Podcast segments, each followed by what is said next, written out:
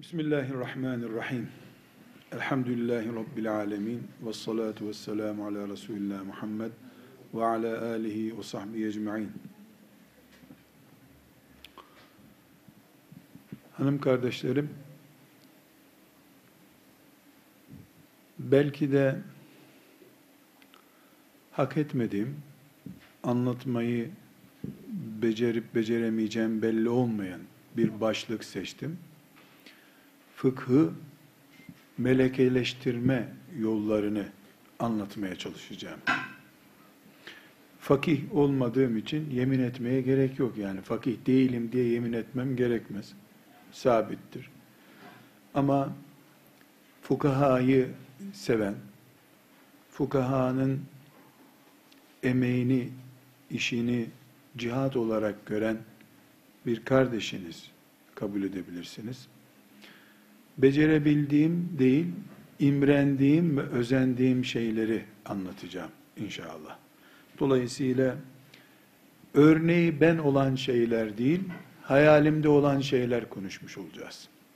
Temenni ederim size de bize de Allahu Teala dinde fakih olmayı müyesser kılar. Bir iki maddeyi ön söz olarak zikretmem gerekiyor. Birincisi, değerli kardeşlerim, biz doğumu ikra ile başlayan bir ümmetiz. Biz okumayı ve yazmayı ibadet düzeyinin üstünde Allahu Teala'nın yemin ettiği nesneler olarak öğrendik. Nun vel kalemi ve ma yesturun bu demek. Kaleme yemin eden Allah'ımız var. Yazı yazmayı ve şemsi ve duhaha diye güneşe ona tabi olan parlaklığa yemin ettiği gibi satırlara yemin eden Allah'ımız var. Bizde okumak, yazmak doğum tarihimizdir. Bunun için varız. Makbareye kadar okuma mücadelesi yapmak zorunda bir ümmetiz. Biz diplomaların peşinde zillet olur koşarsak eğer. Çünkü diploma bir süreci simgeler. Halbuki biz süreç sonuçlandıracak iş olarak görmeyiz. İlmi, okumayı, yazmayı bilakis ibadet olarak görürüz. Bu bakış tarzını fıkhı melekeleştirmeden önce anlamak zorundayız. İkinci olarak zikretmem gereken husus, bizde ilim bir yaş ve kişi ile de sınırlı değildir. Okumanın, öğrenmenin yaşı yoktur. Evlenmek gibi hayatın doğal süreci içerisinde gerçekleşen herhangi bir olay bizim ilim tahsilimize asla etki etmez. Evlilik öncesi, evlilik sonrası diye bir ayrım yapamayız. Çünkü biz beşikten mezara kadar dedik. Beşikle mezar arasında evlilik, anne olmak, baba olmak, tüccar olmak, hiçbir şey, hiçbir iş, hiçbir cihat, hiçbir ticaret, siyaset ne olursa olsun Allah'a yürüdüğümüz yolların en büyük otobanlarından birisi olan ilim yoluna barikat kuramaz. Evleniriz. Evlendiğimiz geceyi bile ilim gecesine dönüştürürüz. Cenazemiz olur. Cenazemiz ilme dönüşür. Hiçbir şey beceremediğimiz zaman bizim halimiz ibret olarak bir ilim sonucu doğurur. Bu sebeple doğumu ikra'la başlamış bir ümmet, iman ettiği Rabbi kaleme ve yazıya yemin etmiş bir ümmet, evlilik, diploma gibi bütün insanların yüzeysel olarak bilip takdir edebilecekleri nesneler üzerinden ilim konuşmaz. Hele hele fıkhı bir meleke haline getirme iddiasındaki hiçbir insan böyle bir saplantıya takılamaz. İkinci husus. Üçüncü ön sözüm konumuza girmeden önce ilmi biz namazı, orucu, Kur'an ibadetini hangi perspektiften görüyorsak o perspektiften görmek zorundayız. İlim bir nostalji olamaz. Çağdaş gereksinim de olamaz. İlim ibadettir. Öyle bir ibadettir ki yeri gelir şehadetten daha değerli olur. Yeri gelir La ilahe illallah'ın ilk başı olur. Fe'lem ennehu la ilahe illallah. La ilahe illallah'ı bilmek ilimdir. Dolayısıyla la ilahe illallah'a, kelime-i tevhide ancak ilimle ulaşılır. Biz ilmi tam anlamıyla ibadet olarak görürüz.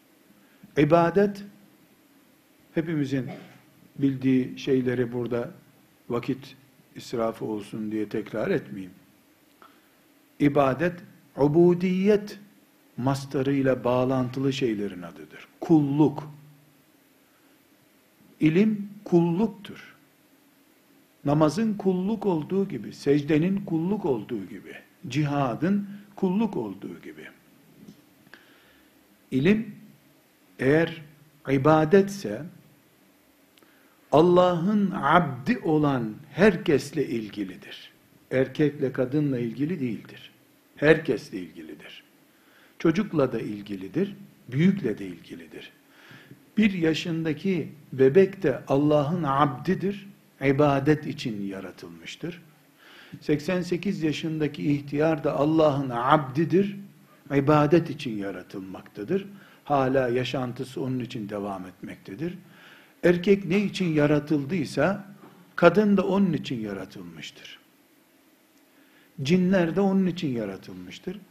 Ama şu kadar ki Allah, verdiği kabiliyetlere, ihsan ettiği nimetlere göre karşılık bekler. Halid bin Velid'den beklediği ubudiyetle, Selman-ı Farisi'den beklediği ubudiyet, Hassan bin Sabit'ten beklediği ubudiyet farklıydı farklı kabiliyet verdi. O kabiliyetleri görmek istedi. Erkeğiyle kadınıyla kabiliyetlerini değiştirdiğinde Allah ya da farklı farklı kabiliyetler verdiğinde kulundan beklediği ubudiyette farklıdır. Temel umdelerde kelime-i şehadetten, namazdan, oruçtan esas alarak temel olan şeylerde belli bir beraberlik olur.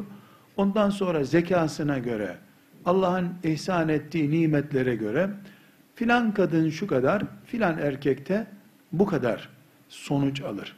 Biz fıkhı melekeleştirmekten söz ederken talebelerimiz, e, Müslüman kızlarımız filan fıkıh kitabını keşke okuyabilseler de mesela Ömer Nasuhi Bilmen e, Hoca Efendi rahmetullahi aleyhin kitaplarını anlayabilseler filan bunu kastetmiyorum. Buna fıkhın melekeleştirilmesi demiyorum. Bir fıkıh kitabını okumak fakihlik değildir zaten. Onu ben de yapabilirim. Herhangi bir fıkıh kitabını okuyup anlamak, özetleyebilmek, üzerinde redakte yapabilmek fakihlik değildir, talebeliktir. Fakihlik biraz sonra zikredeceğim daha başka bir şeydir.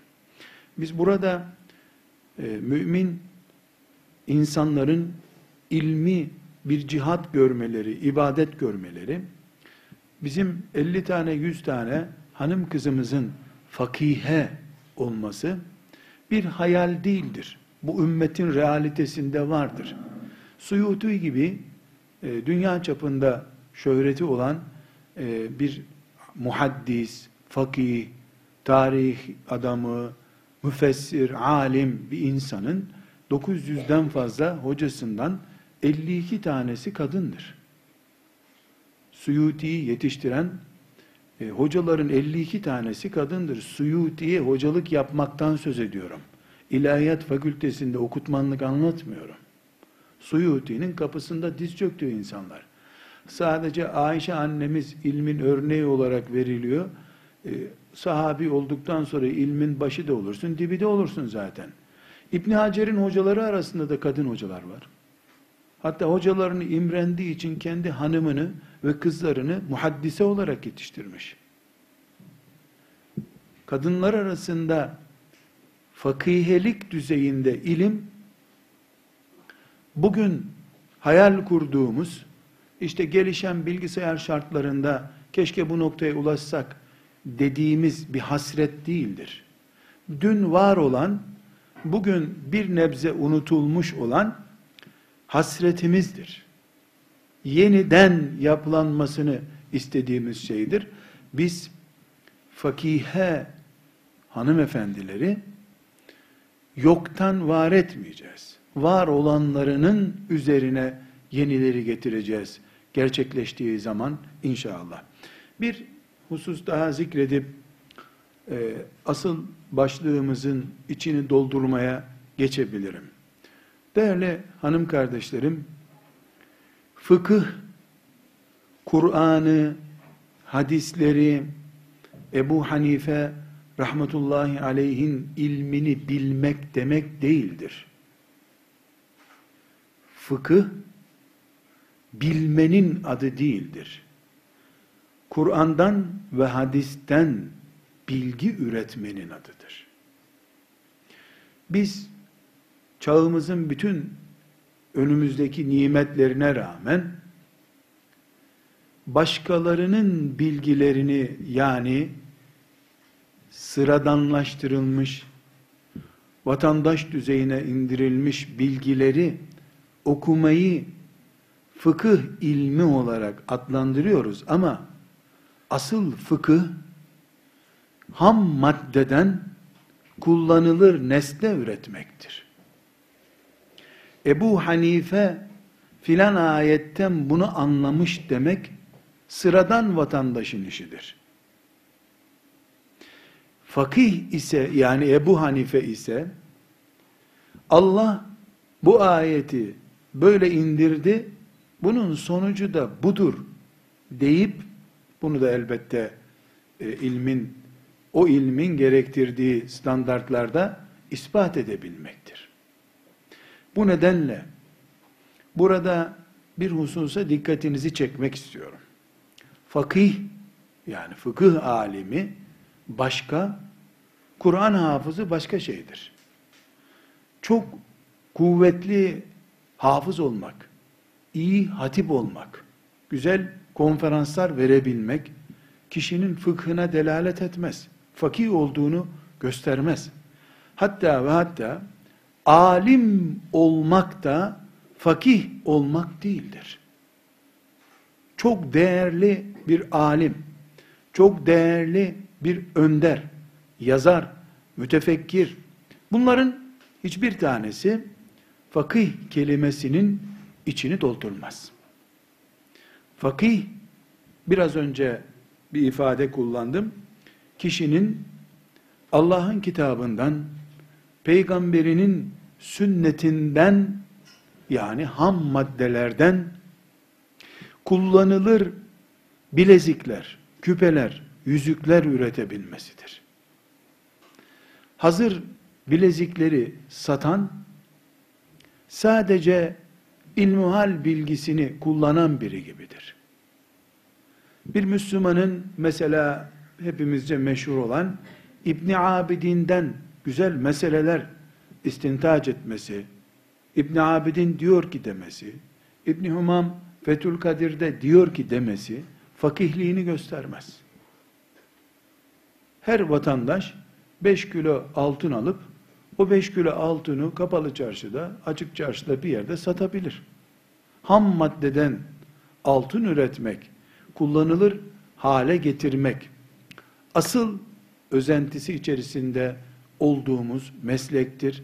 İşte bu ayrıntıya fıkhı melekeleştirmek diyoruz. Değerli kardeşlerim, fıkhı melekeleştirmekten söz edeceğiz. Bu melekeleştirme belli bir süreçten sonra olacak. Ama ben size çok sıradan bir tarif yapayım. Zannediyorum sizler talebe olduğunuz için herhalde iyi yemek yapamıyorsunuzdur geliyor bana. Pilav hariç tabi. Menemen de. Gerçi bayanlar menemen yapmazlar. Bir bekar hocalar olarak biz hep menemen yaptık. Yani menemen demeyeyim, e, soslu bir işte filanca şey. E, ya bilmiyorsunuz demedim kızmayın hemen. Yani anneniz kadar bilemiyorsunuz demek istedim. İsterseniz de test yapabiliriz. Küçük bir tüp, bir yarım kilo pirinç, 3-400 gram kavurma ben getiririm. Nasıl yaptığınıza bakarım. Hanımefendiler 15-20 sene 3-4 çocuk için yemek pişirmiş, eşi için yemek pişirmiş, titiz bir kaynanası için yemek pişirmiş bir kadın düşünün. Bir de siz bir yuva kurdunuz. İşte herkes hayırlı olsun filan dedi. Daha ilk defa mutfağa geçtin. Annen telefonda tarif ediyor. Kızım şöyle yap, böyle yap. İlk yemeği yapacaksın. Bir kulağın telefonda, öbür kulağın yemek tarifi kitabında. İşte televizyonda da yemek menüsünü izliyorsun internetten, yemek yapılışını izliyorsun. O arada tuzlarını filan kar. Sizin bu sürecinizde işte üç bardak, üç su bardağı pirince şu kadar margarin, şu kadar şu, şu, şu kadar diye tarif ediliyor. Yapıyorsunuz. Bir de işte 10 senedir titiz kaynanasına yemek yapan, bir birik eşine yemek yapan, yemek beğenmeyen çocuklarına yemek yapan bir hanımefendinin avucuyla gözleriyle sanki ölçmüş gibi alıp hop tuzunu atışını bana tarif edin. Siz bu, bu kaşık acaba onların tarif ettiği yemek kaşığından mı? Diye endişe ediyorsunuz. O da hiç kaşık görmeden göz karar elini sokuyor alıyor tuzu atıyor. Sonra onunki tam kararında oluyor. Sizinki ise bir türlü kaşık ayarı tutmuyor. Ha su bardağı büyükmüş onun için tutmadı oluyor. Hep mazeret hazır. İşte o öbür hanımınki melekedir. Meleke böyle bir şeydir. Aslında aynı tuz katılıyor. Aynı ocakta pişiriliyor. Anneminki hep güzel oluyor, benimki bir türlü tutmuyor. Çünkü sen üçüncü, beşinci yemeğini yapıyorsun. O da 300, 500. belki yapıyor. Belki bininci yemeğini yapıyor. Henüz sen daha yeni gelin olduğun için şey olur canım bir seferliğine falan diyorlar. Kim bilir o kaç kere şamar yemiştir bu tuz niye bu kadar fazla diye. Kaç kere ağlamıştır azarladığı için kaynanası. Sonunda o yaşadığı badireler onu bir konuda meleke sahibi yapmıştır. O görmeden kavanoza elini sokar, tuzu atar, tam da ayarında çıkar. Onun parmaklarındaki hassasiyet senin kaşığında yoktur. O yemeği koklanır, çok tuz koymuşum buna der. Tuzlu kokuyor bu der. Sen tadına bakarsın, tuzunu anlayamazsın. Buna tecrübe de diyebilirsiniz. Ama sonuçta elde edilen şey meleke olarak adlandırılır. On parmak klavye yazında da melekedir bu. Yani bakarken yüz harften üçünü hatalı yazarsın sen. Hiç bakmadan seninle konuşurken on parmak kullanan birisi hiç hata yapmadan yazar. Sen görürken B'yi C diye yazarsın. O görmeden B'ye B diye basar. Neden? Çünkü sen işte bininci defa B harfine basıyorsun. O da belki yüz bininci defa B harfi kullanıyor. Sonunda onun parmaklarının ucu bile görür hale gelmiştir. Parmakları bile klavyeyi görüyordur onun. Yani parmakta göz olur mu? İşte oluyor. Çok çok uğraştırırsan, nasırlaştırırsan vura vura parmaklarını, sonunda senin parmağında e, görür. Gözünle görmediğini parmağın görür. Bunun adına meleke diyoruz.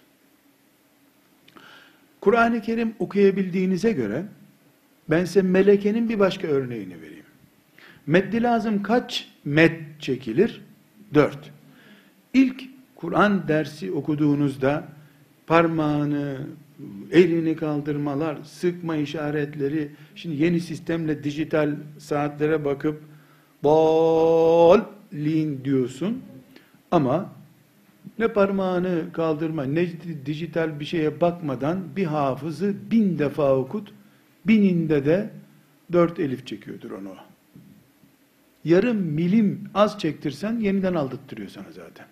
Senin az çoğunu da anlıyor, kendi az çoğunu da anlıyor. Neden? Sen 50. defa veladdallin diyorsun. Bunun dört elif, işte altı elif olup olmayacağı konusunda sen daha yeni yola çıktın. O da belki de 10 bin defa egzersizini yaptı bunun. Sonunda bir meleke oluştu. Sen dijital bir saatle ölçsen, o da hiç saate maate bakması aldatamazsın onu. Onun kulak ayarları, dil ayarları meleke kazanmıştır. O meleke ile senin dijital saatinden daha güçlüdür o. Hattatlarda da aynı özellik vardır. Şablon koy ve cim harfi yapsan, şablonu kaydırma ihtimalin vardır. İyi bir hattatın elini kaydıramazsın ama. 500 tane cim yaptırsan hepsinin yuvarlaklığı aynıdır. İstese de eğri yazamaz onu. Buna melek diyoruz.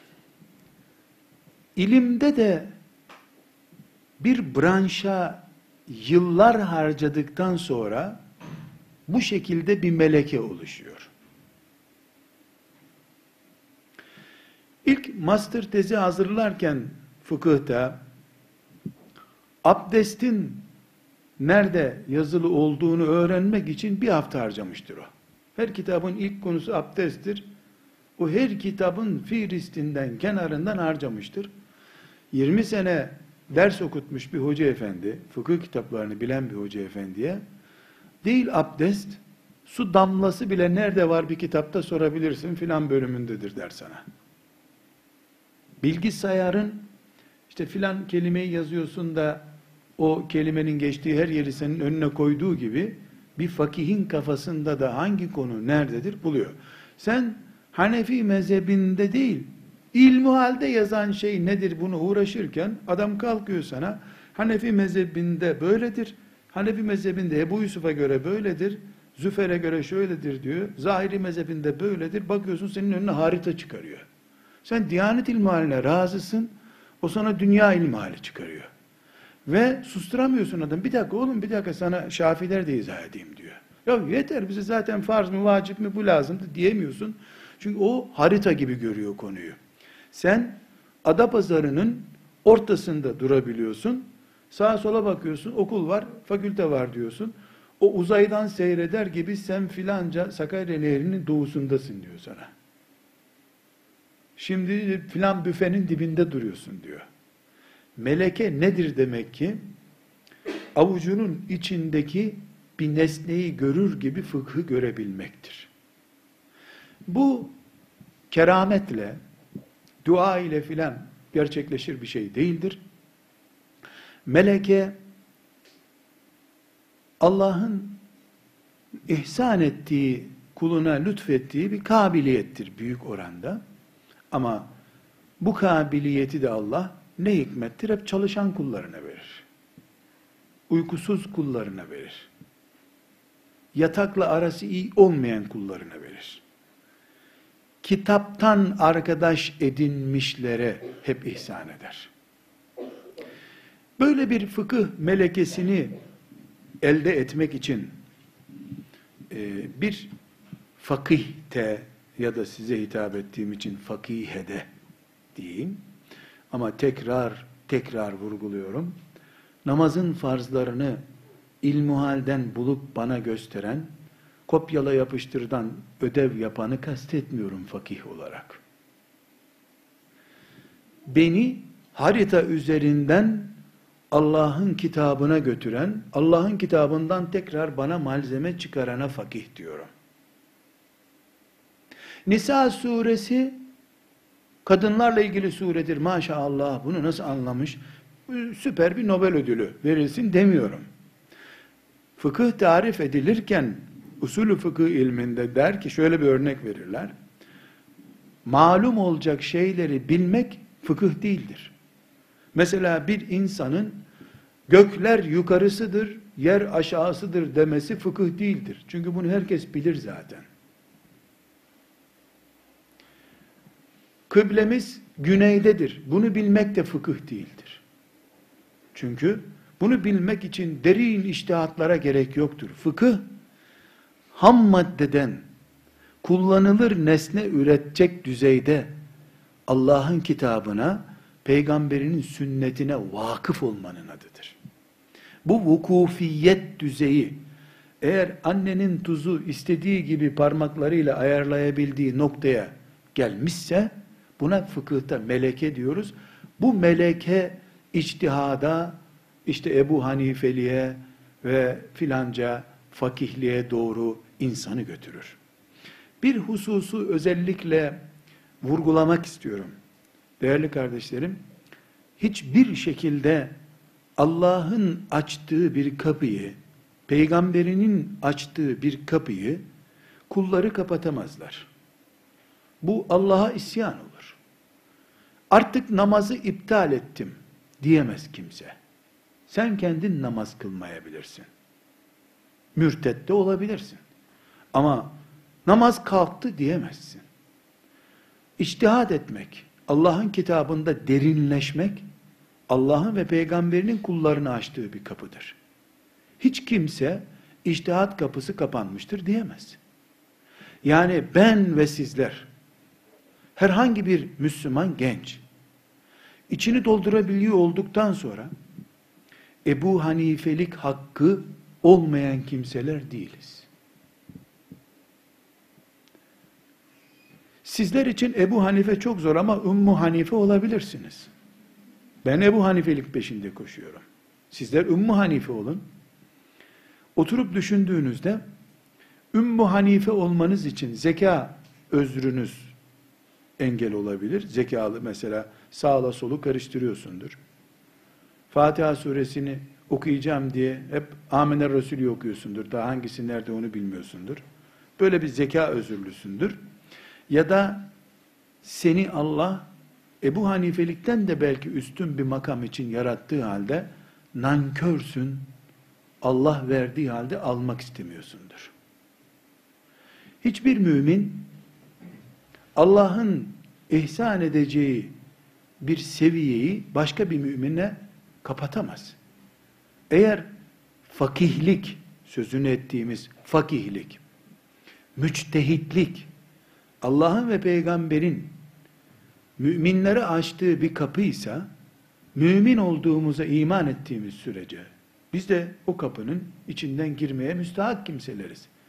Ama biz 30 yaşına geldiğimiz halde hala alfabe sorunu yaşıyorsak, hala meddi lazımın çekileceğini mi, kısalacağını mı, ortada mı bırakılacağını bilemiyorsan, e senin iştihatla elbette alakan yok. Ama her birimiz kendimizi iştihat konuları, fıkıhta meleke sahibi olma konusu konuşulurken adaylardan biri olarak görmek zorundayız. Ya böyle bir adaylık sürecinde eğitim gören, bunun için 24 saatini feda etmeye hazır olan hanımefendiler olacaksınız. Ya da eskilerin hikayelerini dinlemekten zevk alan hacı neneler olacaksınız. Tercih sizindir. Eğer zeka özrünüz yoksa şüphesiz. Değerli kardeşlerim, elbette fıkıh ilmi bir tür matematik muhakemesi gerektiren ilimdir bir düzeyde matematik zekası ister. Karşılıklı muhakeme ve farklı e, karşılaştırmaların farklı sonuçlarını kestirmeyi gerektiriyor. Dolayısıyla bir e, mümin gencin zeka düzeyinin fıkıh açısından uygunluğu gerekir. Bu zeka düzeyi sözünü ettiğimizde yani ileri zeka, geri zekayı kastetmiyorum. Zeka türlerini kastediyorum. Çünkü 10 bin hadisi ezberlemek başka şey, 10 bin hadisten 1 milyon fıkıh sonucu çıkarmak başka şeydir. Biri ezber zekası gerektirir, öbürü ezberle beraber ona katışmış matematik zekası gerektirir. Biz fıkı melekeleştirmekten, fıkıh anlamadan, fıkıh sürecinde ilerlemekten söz ettiğimizde bu zekanın belli oranda var olması gerekir. Zaten bir insanda bu zekanın bu şekilde bulunup bulunmadığı ilk 10 fıkıh dersinde anlaşılır. Siz abdesti, gusülü, namazı bitirmiş, zekata geçmişsinizdir. O hala lavaboda abdest alıyordur. Zorlamaya gerek yoktur. O ümmeti Muhammed'in başka bir cephesinde, başka bir hizmette koşma. O da ilim yolunda ilerlemelidir. O da hadisi denemelidir. Tefsirde çalışmalıdır. Çünkü müfessir olmak için bunlar gerekmez. Müfessir olmak için de çok üstün zeka gerekir. Bu zeka elbette e, herhangi bir zeka düzeyinin üstündedir ama ezbere bağlı bir zekadır. Ezber zekası daha güçlü olan birisi e, tefsir üzerinde çalışmalıdır. Nihayetinde tefsir de bu ümmetin ilim cephelerinden bir cephedir Allah'ın izniyle. İkinci olarak da fıkıh melekeleştirecek bir insan karakterinden söz ediyorum. Ee, Kur'an, sünnet, icma ve kıyas dediğimiz dört temel üzerinde birikimimiz olacak. Bu birikimimiz yani bir tür hafız olmak demek. En azından bulugul meram düzeyinde hadis bilmek demek. Yani bulugul meram demek e, bin civarında ahkamla ilgili hadisi şerifi biliyor olmak demek. E, beraberinde şüphesiz e, hadis ilmine dair incelikler ayrı bir konu. Kıyas ve icma yeri geldikçe zannediyorum bildiğiniz konular. Ümmetin icma ettiği şeyler üzerinden cahilce alimlikler yapılamaz. Faizi helalleştirecek bir sürece geçemezsin sen. Müziği mubahlaştıracak bir iş yapamazsın. Ümmetin icma ile oynamayacaksın. Sen yeniden Hıra tepesi kuramazsın. Hıra'dan inen indi, o indikten sonra her şey onun dediği gibi olacak. Onun ne dediği hususunda söz birliği ettiyse ümmet bir konuda sen onların peşinden gideceksin. Yenilik, ihdas etmeyeceksin ama onların çalışmalarına benzetmeler yapabilirsin. Buna kıyas diyoruz. Üçüncü olarak da biz e, fıkhı melekeleştirmek ve fıkıh yoluyla ibadet düzeyinde, cihat düzeyinde ilim adamı olmak diye bir gayeden, hedeften söz ettiğimizde özellikle altını çizebileceğiniz ya da benim altını çizmenizi tavsiye edeceğim bir şey söylüyorum. Biz soyu belli ilme ilim diyoruz. Hele fıkıh soysuz olamaz. Soysuz olduğu zaman o fakihin elinden Yahudilik ve Hristiyanlığın akıbetine uğramış bir İslam çıkar. Sokak çocuğu hor olduğu gibi sokak ilmi de hordur. İlimler Ebu Hanife'ye, ondan İbni Mesud'a, İbni Mesud'dan Ömer bin Hattab'a, Ömer bin Hattab'dan Resulullah'a, Resulullah'tan Cebrail'e, Cebrail'den Allah'a dayanır. Referansı Allah olmalıdır. bu soyu sağlanmamış ilim, ilim değildir, fitnedir. Haramları helalleştiren, helalleri haramlaştıran ya da onun kişisel zevklerine aykırı düştüğü için cihadı yok kabul eden veya zevkü sefasına kılıflar uyduracak politikalar üreten bir ilim ve ilim adamlığı yoktur bizim için. Keşke böyleleri fıkıhtan hiç anlamasınlar deriz. Onun cahil kalması kendisinin ahireti açısından daha da faydalıdır. Sözüm bir miktar ağır olabilir. Ama bilerek, kast ederek tekrar ediyorum. İnsanın soysuzunun değersiz olduğu gibi ilmin soysuzu da hiçtir, değersizdir. Bu soyla kastımız da e, Allah'ın kitabını, peygamberinin sünnetini anlama tarzında soy sahibi olmaktır. Bu nedir?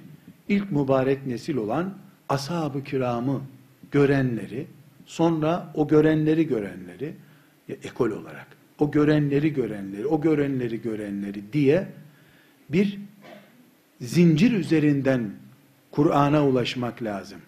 Bu zincirler, bu soy ağacı kesildikten sonra ben sıradan bir insan olarak, filanca sıradan bir insan olarak Allah'ın kitabını açıp şu şöyle olmalı dediğimizde biz herhangi bir şekilde dinimize hizmet etmek e, şerefiyle şereflenemeyeceğimiz bir kenara değil dinimize hizmet etmek, dinimizi kökünden darbelendirmiş oluruz. E, eğer biz fakih dediğimiz zaman, fıkı melekeleştirmiş ilim adamı dediğimiz zaman, sadece kitap okumak, kitap yazma düzeyinde bir şey anlayacak olsak, bütün oryantalistlerin Ebu Hanife kadar değerli alim kabul edilmesi lazım deriz. Yani onlar bizim dinimize ait kaynakları araştırmış, taramış olabilirler ama onlar bizim alemimiz değildirler. Bizim bahçemizi dışarıdan seyrediyorlar. Bizim malımızı sayıyorlar onlar. Biz onların İncil'i, onların Tevrat'ı üzerinde bir hesap kitap yapmıyoruz. Onların siyasal nedenlerle, düşmanca gözle Kur'an'ımız üzerinde emelleri bulunduğu için bizim bahçemizi karıştırıyor, karıştırmak istiyor olabilirler. Ama biz fakih, fakihe dediğimiz zaman soy üzerinden ta İbn Mesud'a kadar dayanabilecek, Ali bin Ebi Talib'e dayanabilecek bir çalışmanın sahibine ilim adamı diyoruz. Bir dördüncü özellik de bunu özellikle e, zikretmemde fayda var. Çok okumuşluk, çok bilmişlik neticede dağın altındaki maden gibidir. Piyasaya inmiş, borsada işlem gören şeylere biz ilim diyoruz. Dolayısıyla ilim adamı ve özellikle fakih, fakihe olan insan yaşadığı hayatı tanımak zorundadır. Binaenaleyh e, şu asır hicretin 15. asrı 15. asırı ki fitneleri, gelişmeleri vesairesi kendine mahsus bir asır bu. Dördüncü asır üzerinden değerlendiren ümmetine zarar verir. Güneşte ısıtılan su diye bir kavram vardır. Güneşte ısıtılan su fıkıh kitaplarında geçer. Üçüncü, dördüncü asırda güneşte su ısıtmak demek. Leğeni evin balkonuna koyuyorsun. Öğleye kadar güneş onu çay kaynatacak kadar ısıtıyor. Onunla abdest alınır mı alınmaz mı diye fukahanın yazdığı bir madde vardır. Evlerin çatısına konmuş güneş sistemleriyle ısıtılmış ve su hiçbir şekilde güneşi görmediği halde ısınmış cıvadan sürtünerek geçtiği için ısınan su abdest için caiz değildir. Neden? Filan kitapta yazıyor güneşle ısıtılmış su ile abdest almak mekruhtur diyor dersen sen fakih olman için yeniden yaratılman gerekir. Ama dördüncü asırda. Dördüncü asırda. Bu dördüncü asırdaki bir fakihi tahkir etmek olmaz kardeşlerim. Balkona konmuş suyu soruyor. Bu asırda kimse balkonuna su koyamıyor. Öyle su koyacak bir yer yok ki dünyada zaten. Evlerin çatısına bir cihaz konuyor. O cihazın içinde civa var, filanca var. Onlar ısıtılıyor, ateş gibi oluyor. Borunun içinde, e, dışında o var. İçinden su geçerken ona temas ediyor, ısınıyor. Güneş görmüyor, bir şey görmüyor su. Zavallı su ilk gördüğü güneş barajdaydı. Bir daha bizim borulara girdiğinden sonra güneş yüzü görmedi su. O suya sen mekruh olur diyorsun. Yaşadığın asrı teknolojisiyle, fitne fesadı ile, yaşam tarzı ile bilmek zorundasın. Şeriatı aksi takdirde çağların gerisinde bırakarsın. Halbuki Allah'ın dini, fıkı, bütün çağların sorunlarına cevap bulmak için gönderildi. Fakih olacak, yani fıkhı melekeleştirmiş bir ilim talebesinin yaşadığı çağın teknolojisinden yaşam tarzına, idrak seviyesine kadar ayrıntılarını bilmesi gerekir. Bu dört şey, kişinin zeka yapısı, kişinin Kur'an, sünnet, kıyas, icma kültürü ve soylu bir sistem üzerinden ilim talep etmesi ve yaşadığı çağın ayrıntılarına vakıf olması bir talebenin Ebu Hanifeleşme yolunda hiçbir sıkıntı hissetmeden devam edebilmesi demektir. Bir soru ara soru olarak karşımıza çıkabilir. Şimdi ben 5 saat bu konuyu anlatsam e, kesinlikle buradan çıkarken özel sorusu olan var mı dediğimde ilk soru hep şu oluyor. Oluyor da burada da olur diyorum. Olabilir diyorum. Yani ben şimdiye kadar niye olamadım bu dediğine ben de inanamıyorum. Ebu Hanife olmuş işte o filancanın duasını almış. Hammad'ın duasını aldı onun için oldu. E sana da baban dua etsin. Sen de git bir türbe ziyareti yap madem dua ile oluyor bu iş. Kardeşler Zekayı konuşmuyorum. Başta söyledik. Allah hepimizi bir, bir yer için yarattı. Her taş bir yerde ağır olacak. Herkes fakih olsa fıkıh enflasyonu olur zaten. Ümmetin başı belaya girer. 700 çeşit abdestimiz olur o zaman. Elbette 3 tane 5 tane fakih olacak. Alt düzeyde biraz daha çoğalacak. Biraz daha alt düzeydekiler biraz daha çok olacak. Hepimiz de fıkıh talebesi olarak yaşayacağız inşallah. Ama biz hala e, bizden önceki nesil olan ulemanın yazdığı mesela bir Ömer Nasuh Bilmen ilmi halini bile sözlük yardımıyla dahi niye okuyamıyoruz sorusuna cevap bulmamız gerekiyor. Bugüne kadar yüzlerce fıkıh meselesi okuduk. Neden onları pratiğe dökemiyorum? Neden fıkıh muhakemesi yapamıyorum? Sorusunun cevabını verebilirim kardeşler. Burada da çok sorun söz konusu edilebilir. Dört başlıkta toplayacağız. Birincisi yeme sorunumuz var. Çok yemek yiyoruz. Çok yemek yiyoruz. Bu çok yiyişimiz bünyemizdeki enerjinin midemiz tarafından tüketilmesi anlamına geliyor. Çok zeki insanlar bile beyinlerine kullanabilecek enerji bırakmıyorlar. Çok yiyoruz çok yeme beraberinde çok uyku getiriyor. Uyuyan da uyumayan da performansı düşüyor bu sefer. Yeme ve uyku birbirinin fitneleyicisidirler. Ya da ateşleyicisi diyelim. Uyku yemeği, yemek uykuyu getirir. Bu sebeple fakih olmayı engelleyen şeylerin başında yemeği programsızlaştırma söz konusudur. Ne kadar ve nasıl bir yemek diye menü zikretmeyeceğim. Diyetisyenlik gibi bir işim yok benim. Ama fıkhın başı, ilmin başı ve imamı olan Resulullah sallallahu aleyhi ve sellem yeme standardı veriyor değil mi? Birkaç lokma yeter diyor. Birkaç tepsi demiyor. Birkaç lokma yeter diyor. Birkaç lokma yetmez. Çok fena yoruluyoruz biz. İmtihanlar çok filan diyene de o zaman üçte bir diyor.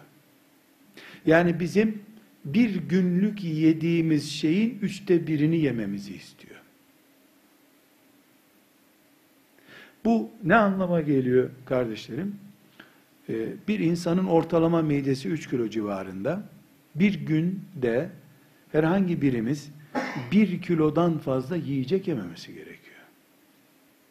Tabi bu aritmetik bir rakam olarak değil. Yani 3 kiloysa midemiz.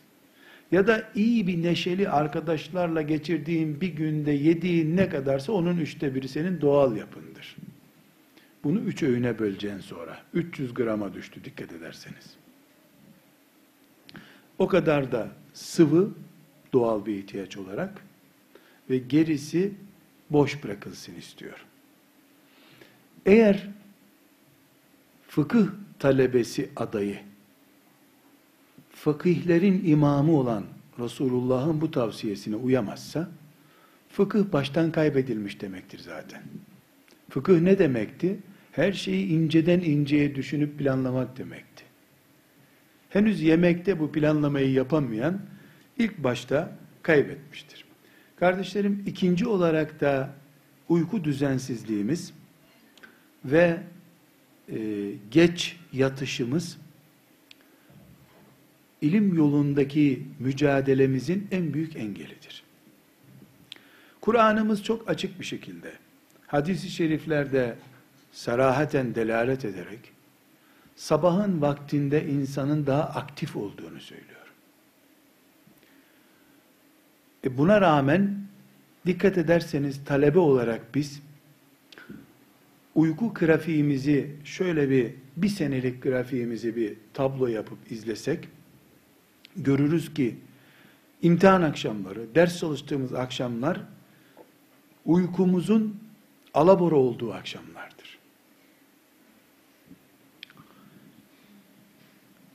Bir hasta yakınımı epilepsi tedavisi görüyordu. E, doktora ben götürdüm, getirdim. Doktor ona bir ilaç verdi. E, dedi ki sabah 8 ile 8 buçuk arasında bu ilacı muhakkak alacaksın dedi. 3 ay sonra tekrar görüşeceğiz dedi. E, ben 3 e, ay sonra bir daha götürdüm ama hasta daha fenalaştı. Doktor bey dedim, e, hastamız dedim daha ters oldu dedim. Dedi ilacı kullanmamıştır dedi. Yok dedim ilaçlarını ben alıyorum dedim. Kutularını ben alıyorum dedim kullanıyor dedim. Mümkün değil dedi. Kullanmıyordur Nurattin Bey. Ya kullanıyor doktor bey ben şahidim dedim. Ya yanlış ilaç almış olmayasınız dedi. Yok dedim ilaç işte bahsettiğiniz ilaç dedim. Ben hastama bir sorayım dedi. Sen dedi her gün ilaç aldın mı dedi. Aldım tabi. Dedi hasta.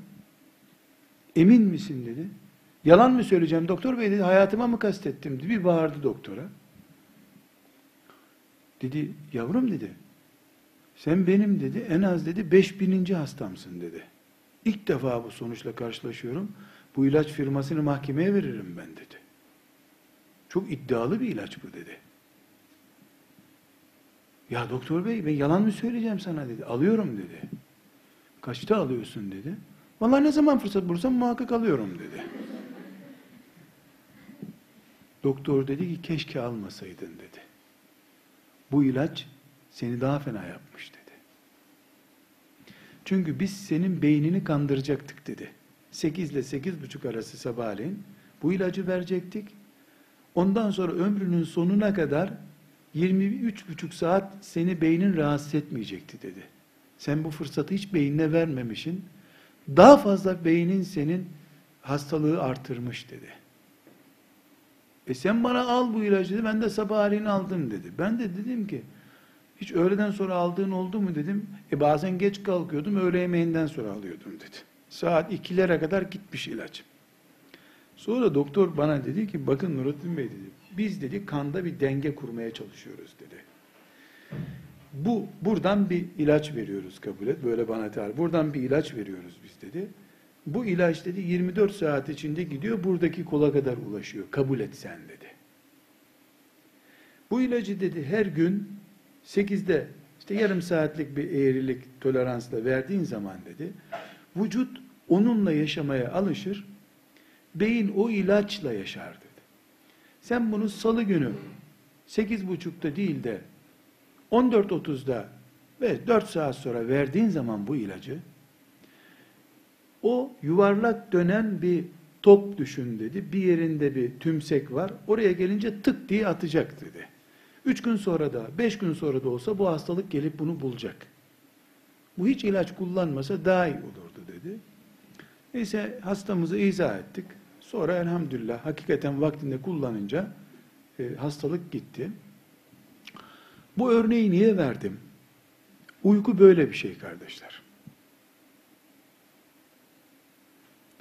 Saat 11'de yatıp 5'te kalkan insan saat kullanmaz. O 5'te kalkar. En fazla 50-60 gün saate ihtiyacı olur. Yaz kış kalkar o. Ashab-ı kiram hiç sabah namazı kaçırmıyorlardı. Herhalde dijital telefonları çalıyordu hep. Ya da Bilal herkesin kapısına özel ezan okuyordu. Bilal nasıl kalkıyordu? Bu asırda annelerimiz, babalarımız keşke bizi at gibi, yarış atı gibi imtihandan imtihana hazırlayacak yerde hayat düzeni öğretselerdi bize. Misafir gelse de, film olsa da, maç olsa da aynı saatte yatıp kalkan insanlar olsaydık keşke. O zaman güneş kadar ciddi, güneş kadar tesirli olurduk. Güneş ara sıra iki saat arkadaşlarıyla muhabbet ettiği için geç doğu verse bu hayat sürer miydi bu dünyada böyle? Bir doğan bir batan güneş olmaz. Aynı saatte 5000 sene önce de 5000 sene sonra da güneş aynı saatte doğup batıyor. Onun için de ona güvenilip ziraat yapılıyor. Hayat düzeni kuruluyor. Güneşin çatısı altında güneş kadar ciddi insanlar başarılı olurlar. Güneşe endeksli hayat uykuda düzenle başlıyor arkadaşlar. Maalesef evlerimizde en büyük düzensizlik bu uyku düzensizliğidir. Misafirdi, maçtı, filmdi, geziydi derken ne yattığımız zaman belli, ne kalktığımız zaman belli.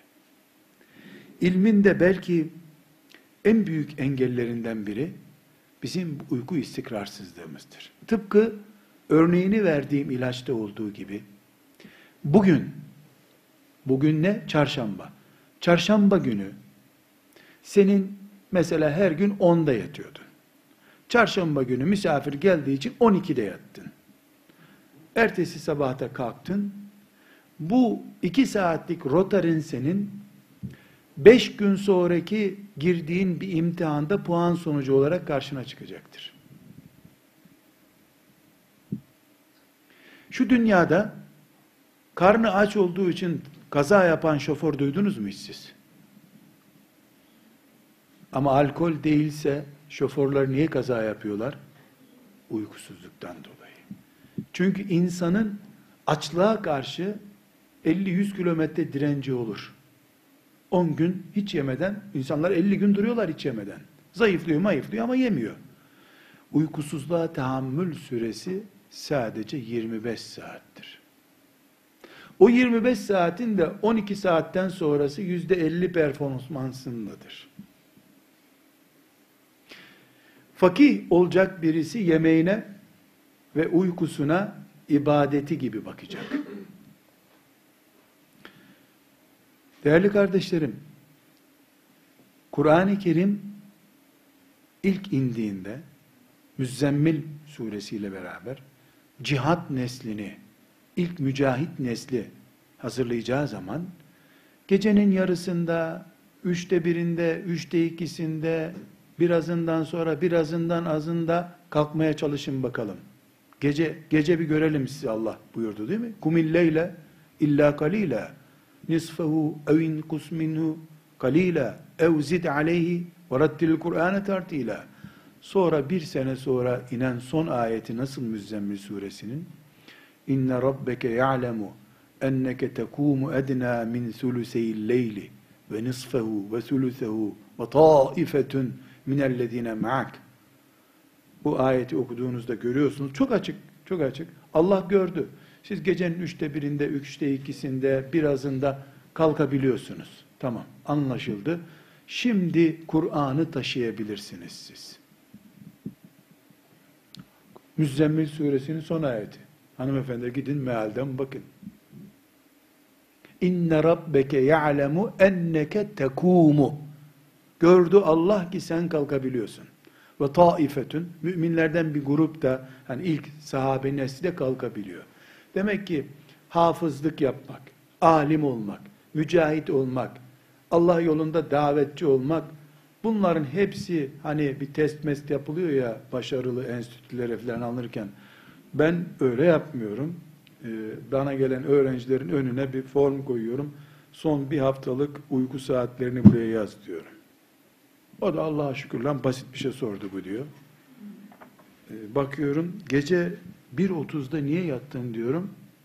O günkü gazeteleri taradım diyor. Hı, güzel. Öbür gün de geç kalkmışsın. Gece geç yattım ya diyor. Niye geç yattın diyorum. İşte bir filan kitabı okudum diyor. Güzel maşallah maşallah. Sen git biraz daha okumaya devam et evinde. Çünkü Allah seçerken uyku istikrarı olanları seçti. Onlardan biri İbni Mesud'tu. İbni Mesud da bana din ulaştırdı. Bir insanın uykusuzluğu hayra delalet değil, sarhoşluğuna delalet. Evet, sabaha kadar çay içip uyumayıp ders çalışıyor olabilirsin. Sabah kalktığında performansı olmayan bir insan olarak kalkacaksın. Gözün tam görmeyecek bir defa. Çok basit bir test yapın hanım kardeşlerim. Ee, çok kimselere tavsiye ettim, size de tavsiye ediyorum. 7 saat istikrarlı uyuduğunuz bir günün ertesinde, mesela dün geceyi bu şekilde uyudunuz. Öğle vakti, insanın artık beyninin yorulmaya başladığı bir vakit. Bir arkadaşınıza deyin, bana sen 10 haneli bir numara söyle. 0470 306 filan numara söyle. Bir bak onu kaç defa da ezberledin. Sonra da kaç dakika sonra unuttun. Bir test et bunu. Bir günde iki saat geç yatın. Ya da gece bir sebeple uyanmak zorunda kalın. Arkadaşınız tweet gönderdi. Tweet çaldı. Kalktın baktın gitti gece yarısı uykun tabi. Ee, bir bakın 10 dakika uykunuz bölünsün gece. Sadece 10 dakika bölünsün. Öbür gün aynı saatte mesela o önceki numara ezberini ne zaman? Saat 1'de. Gene 1'de bir arkadaşınız size başka bir numara söylesin. Bakın onu ne kadar da ezberleyeceksiniz ve ne kadar da unutacaksınız. Uyku bir makineye gelen elektrik voltajı gibidir. Fazlası da zarar. 13 saat uyusan da sarhoş gibi olursun. Voltajın yarısı gelirse de söndü sönecek gibi olur. Allah böyle yaratmış. Uykuya muhtaçlığımız ekmeğe muhtaçlığımızdan daha fazladır. Ekmeğin yerine bir hap veriyorlar. Ondan gıdanı alabiliyorsun. Uykunun yerine verilecek bir hap yoktur. Uyuşturucu verip seni uyutabilirler yalnız. O da gene uyku zaten. Uyumadan yani uykunun alternatifini yaratmamıştır Allah. Gıdanın alternatifi vardır ama. Bu sebeple ilim yolunda ilerleyecek, fakih olsun veya olmasın, yani ne olacaksa, üniversite imtihanında kazanacak birisi için bu sistem geçerli. E, filancanın uykusu hiç düzenli olmadığı halde çok iyi bir yer kazandı. Ne kadar emek vererek nereyi kazandı? O istikrarlı bir uyku düzeni olsa 3000 soru çözerek o noktaya gelecekti. O potansiyeliyle 13 bin soru çözerek o e, puanı yakalayacak hale geldi. Dolayısıyla bir kar etmedi, zarar üstüne zarar etti. Fıkıh ilminde ilerlemekten söz edeceğiz. Ee, engelleri sayıyorum. Fakat bu arada vakit de bitiyor. Ben buraya gelirken bir buçuk saatte oradan çıkarsın diye hocam bana e, not düştü. Ben vaktimi iyi değerlendirmek istiyorum. Hocam yasalarla oynamayalım. Koyduk kural kuraldır. Neyimize gerek? Burada hanım kızlarım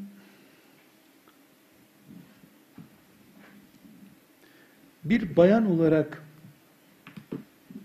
bizim fakih olmamızı engelleyen yani sizin bayan olarak fıkıh ilminde ilerlemenizi engelleyen erkeklere göre farklı nedenlerden de söz etmek istiyorum.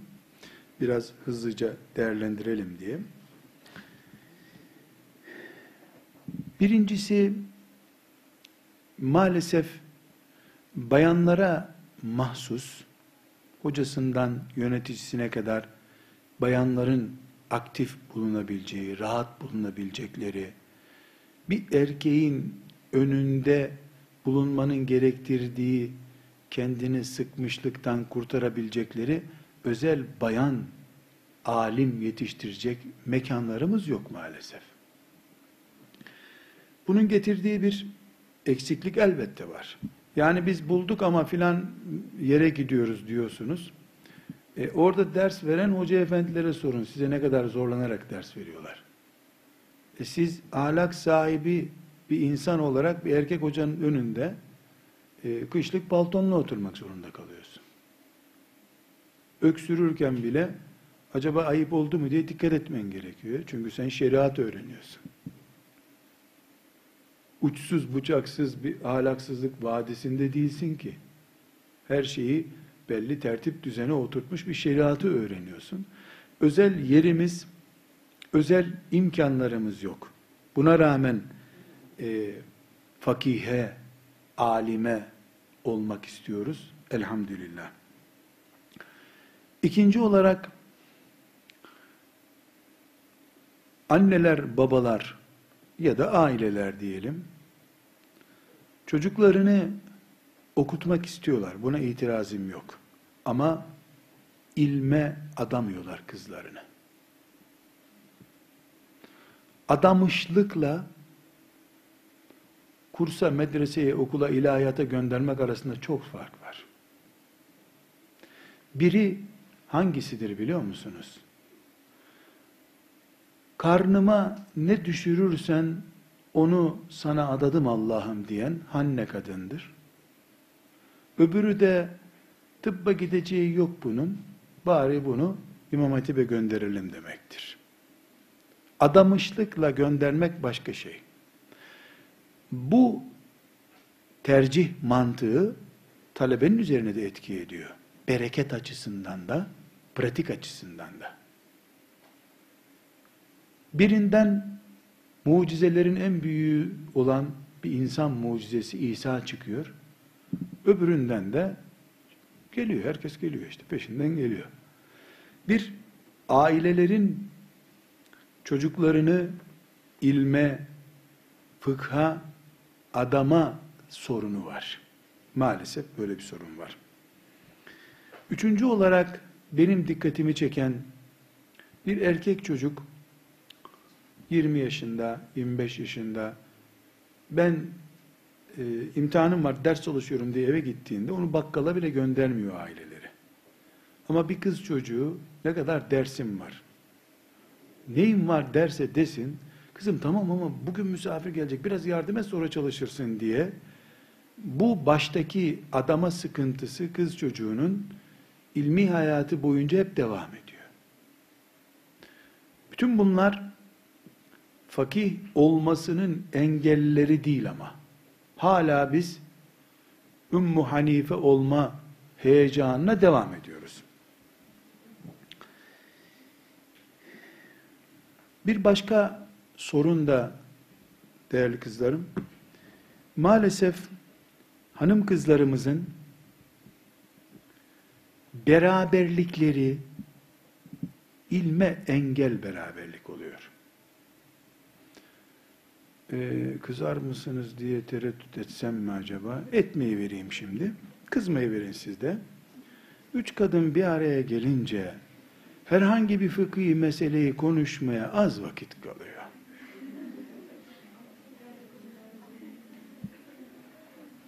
Çok talebelerim var ondan biliyorum. Kadınlar hakkında peşin kanaatim vardır ondan biliyorum. Sizi ilgilendirmiyor. Doğru mu değil mi? Siz ona bakın. Çok basit bir örnek vereyim. Mesela bunun kullanımı caiz midir, değil midir diye bir konu münakaşa edeceğiz. Üç erkek bir araya geldiğinde niye öyle olsun, niye böyle olsun diye başlar bu süreç. Üç kız talebe bir araya geldiğinde ay kız filanca böyle demiş, niye öyle demiştir ki o diye başlıyor. Tabi benim örneğim sanal bir alem örnek. Nasrettin Hoca hani e, tartışıyormuş bir papaz onunla da dünyanın ortası neresi demiş. Ulan bu papazla mı muhatap olacağım diye bastonunu yere vurmuş. Tam bastonumun altı demiş. Nereden belgeleyeceksin demiş. Öyle değilse ölç neresi demiş. Ölçemediği için de papaz o doğru çıkmış. Yani benim bu teorimi de Nasrettin Hoca'nın sözü gibi kabul edebilirsiniz. Bir sakıncası yok. Ama kolay güldünüz. Boşuna gülmemişsinizdir. Boşuna gülmemişsinizdir. İşte kadınlık ortamından Suyuti'yi önüne diz çöktürecek alimliğe geçilmez diyemez kimse. Ama geçen az oluyor denir. Sorun buradan kaynak. Geçen az oluyor maalesef. Geçen de geçiyor ama. Geçen de geçiyor. Yani bayanlar e, bir araya geldiklerinde e, bu başlığı yani bayanlar neden fakih olamıyorlar başlığını dört sene araştırdım. Ve derslerine gittiğim, benim derslerime gelen belki 500 kadın ve hanım kıza sorduğum sorulardan edindiğim cevaplardır bunlar. Ee, başından varsayım sayarak biz Karadeniz çocuğuyuz zaten karlardan alim mi olur deriz diye demiyorum böyle. Cahilce Allah'ın e, mahlukunu hafif görecek bir zaviyeden konuşmuyorum. Ama maalesef işte kadınlarla ilgili bir platform yapalım. Mesela bayanlar 70 tane hanımefendi burada toplanacaklar diyelim. Onların susun süreci 10 dakika başlıyor zaten. Ablalar tamam başlayacak toplantı denmesi gerekiyor. Erkeklerde ise konuşmacı içeri girince susuyor herkes zaten. Gerçi bayanlar e, boş konuşmuyorlar muhakkak. Bu niye bu konuyu seçti acaba diye bir şey konuşuyorlardır muhakkak. Her neyse yani. Kadınlar arası ziyaretleşmeler, vakit değerlendirme stratejisinde hatalar, bütün bunlar e, fıkıhta engel. Çünkü hanım kardeşlerim, saniyelerle savaşmadıkça ilim senin olmuyor.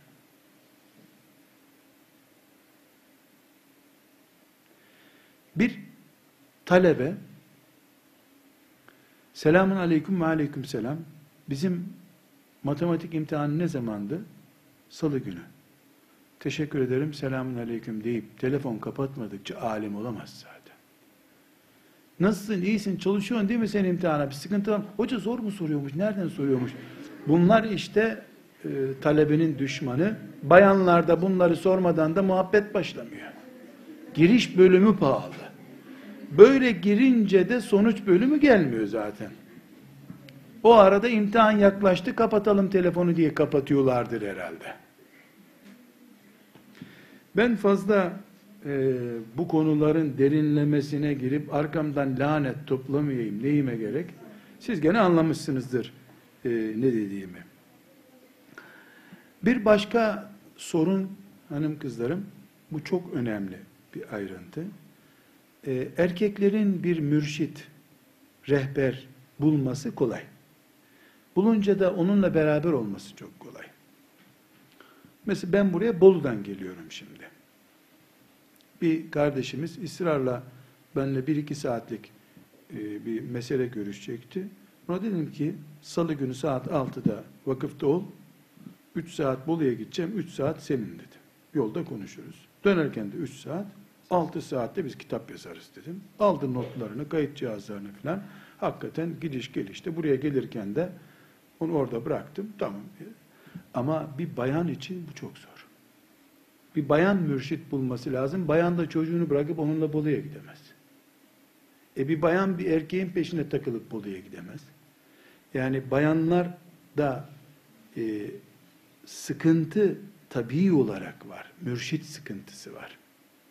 Hocasına mail üzerinden sorması lazım. Soğuk ilişkiler hep. Mesafeli ilişkiler. Yani ders yapıyorum ben. Ee, arkadaş bakıyorum esnemeye başladı. Omuzuna tutuyorum. Hop ne oluyor ya diyorum filan. Şakalaşıyoruz. Hocam bir dakika diyor. Derse devam ediyoruz. E bayanın omuzuna tutup hop hop sen uyuyor mu burada diyemiyorsun. E, belli bir sıkıntı var. E, bu sıkıntı bayanın bayan olmasıyla beraber artıyor. İlim denen şey de mürşit olmadıkça e, çok zor. Bir hocanın kendisindeki birikimi talebeye aktarması yoluyla elde edilecek ilim sonuçta 70 puanlık bir ilimse bir sene içinde mesela talebenin kendi kendine onu 40'a getirmesi bile çok zor. Bütün problemleri de içinde olacak. Bu nasıl aşılabilir? Bu aşılamaz mı? E, bunlar da hep sizlerin bayanlar olarak çözüm üretmeniz gereken şeyler. Ama yeri geldiği için özellikle söylemem gerekiyor. Mürşitsiz, yani bu mürşit hayatta en hakiki mürşit nedir mantığıyla söylemiyorum bunu. Yani senden daha üstün olan ve senin üzerinde kliğine kazanmak, puan elde etmek gibi bir e, maksadı olmayan, sadece Allah rızası için ilim ibadettir diye sana birikimini aktaran senden büyük birisi ilimce. Ve senin onun önünde hürmetle duracağın birisi. Mürşit de bunu kastediyorum. Böyle bir mürşit çok hızlı yol almayı beraberinde getirir. Böyle bir mürşitsizlik de bilineni bilmek için bir daha uğraşmak gibi boş sonuçlar neden olur. Bayanlarda dikkat çeken e, çok önemli sorunlardan biri de evlilik meselesidir. İlke olarak bayan evlenince e, kitaplarını mobilyaların arkasına gizlemesi gerekir diye düşünülüyor. Burada evliliğin yaşı ve vakti konusunda iddiaları olan birisiyim. Filan yaş evlilik yaşıdır diye bir ilke konamaz diyorum. Her yaş bali olduktan sonra her yaş evlenme yaşıdır. Acıktıkça yemek için masaya oturduğun gibi vakti gelince de nikah masasına oturursun. Bu kadar doğaldır bu. Ama evlilikle evlendiğini ispat töreni arasında fark var. Doğal evlilik var. Hayat dengini bulup onunla beraber yola devam ediyorsun. Bir de insanların evlilik dünyası diye kurdukları puthaneler var. Kabe'nin içindeki putlar gibi cahiliye döneminde. Bu batıl olan bu evlilik süreci kızlar için bilhassa evliliği kaosa çevirdiğinden hayatı olmuyor ki kızcağızın ilmi olsun bir daha. Eşinden başka herkesi memnun etmek için uğraşması gereken bir süreci başlıyor onun. Bir tek memnun etmemesi, diklenebileceği eşi var. Onun dışında herkesi memnun etmesi lazım. Arkadaşları vesairesi. Bilerek konuşuyorum. Kastederek konuşuyorum. Bu süreç elbette ilim için bir balta, baltalama, hatta ormanı tutuşturmadır. Bir Müslüman olarak böyle düşünmek zorunda değiliz tabii biz. Yani birileri böyle bir evlilik üzerinden hayatı devam ettirebilirler. Biz müminiz elhamdülillah. İmanımız bize daha doğal bir hayatı teşvik ediyor. Bir evlilik kadın, toplum ve mobilya ve erkekten oluşuyorsa çok müthiş bir kompleks olduğu için bu. Bu evlilikte yaşam yok ki okumak olsun, ilim olsun. Evliliğin anlamı yerine oturtulabilse evlilik hiçbir şeye engel değil. Peygamberliğe bile engel değil. Kur'an ne buyuruyor? Senden önce senin gibi peygamberler gönderdik. Hepsini de hanımları olan, çocukları olan kimseler yaptık diyor. Yani peygamberlikte standart hanımın var mı yok mu standartıdır. Çocuğun var mı yok mu standartıdır.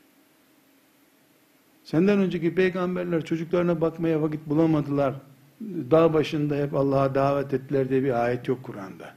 Bilakis وَجَعَلْنَا لَهُمْ اَزْوَاجًا وَذُرِّيَّةً Aileleri olan adamlar peygamber oldu. Üstelik de çoğunun karısıyla ilgili hikayeyi de biliyorsunuz. Ah canım git, sen yeter ki Allah'a çağır insanları diyen bir Hadice oldu bu dünyada. Bir de Musa Aleyhisselam'ın karısı oldu. O da işte Medyenli iki nazik kızdan biriydi de ondan. Evlilik e, ilme, fakihliğe engeldir diyen çok namaz kıldığım için ilimle meşgul olmuyorum diyen kadar batıl bir söz söylüyordur. Evet sen 800 rekat nafile namaz kılarsan elbette ilimle meşgul olamazsın.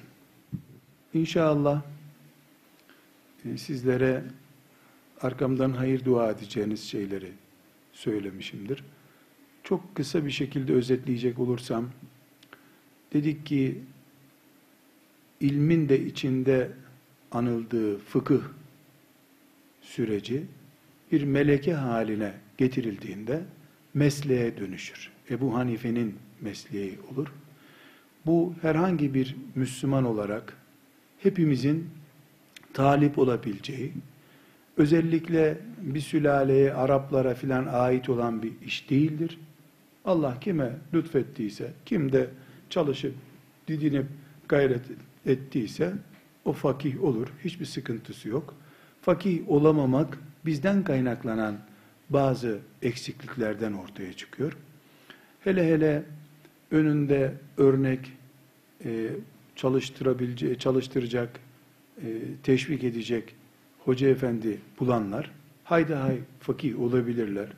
Bugünkü bu çağda bilgisayarından e, diğer iletişim imkanlarına kadar yoğun teknoloji donanımı kıyamet günü başımızın belası olacak.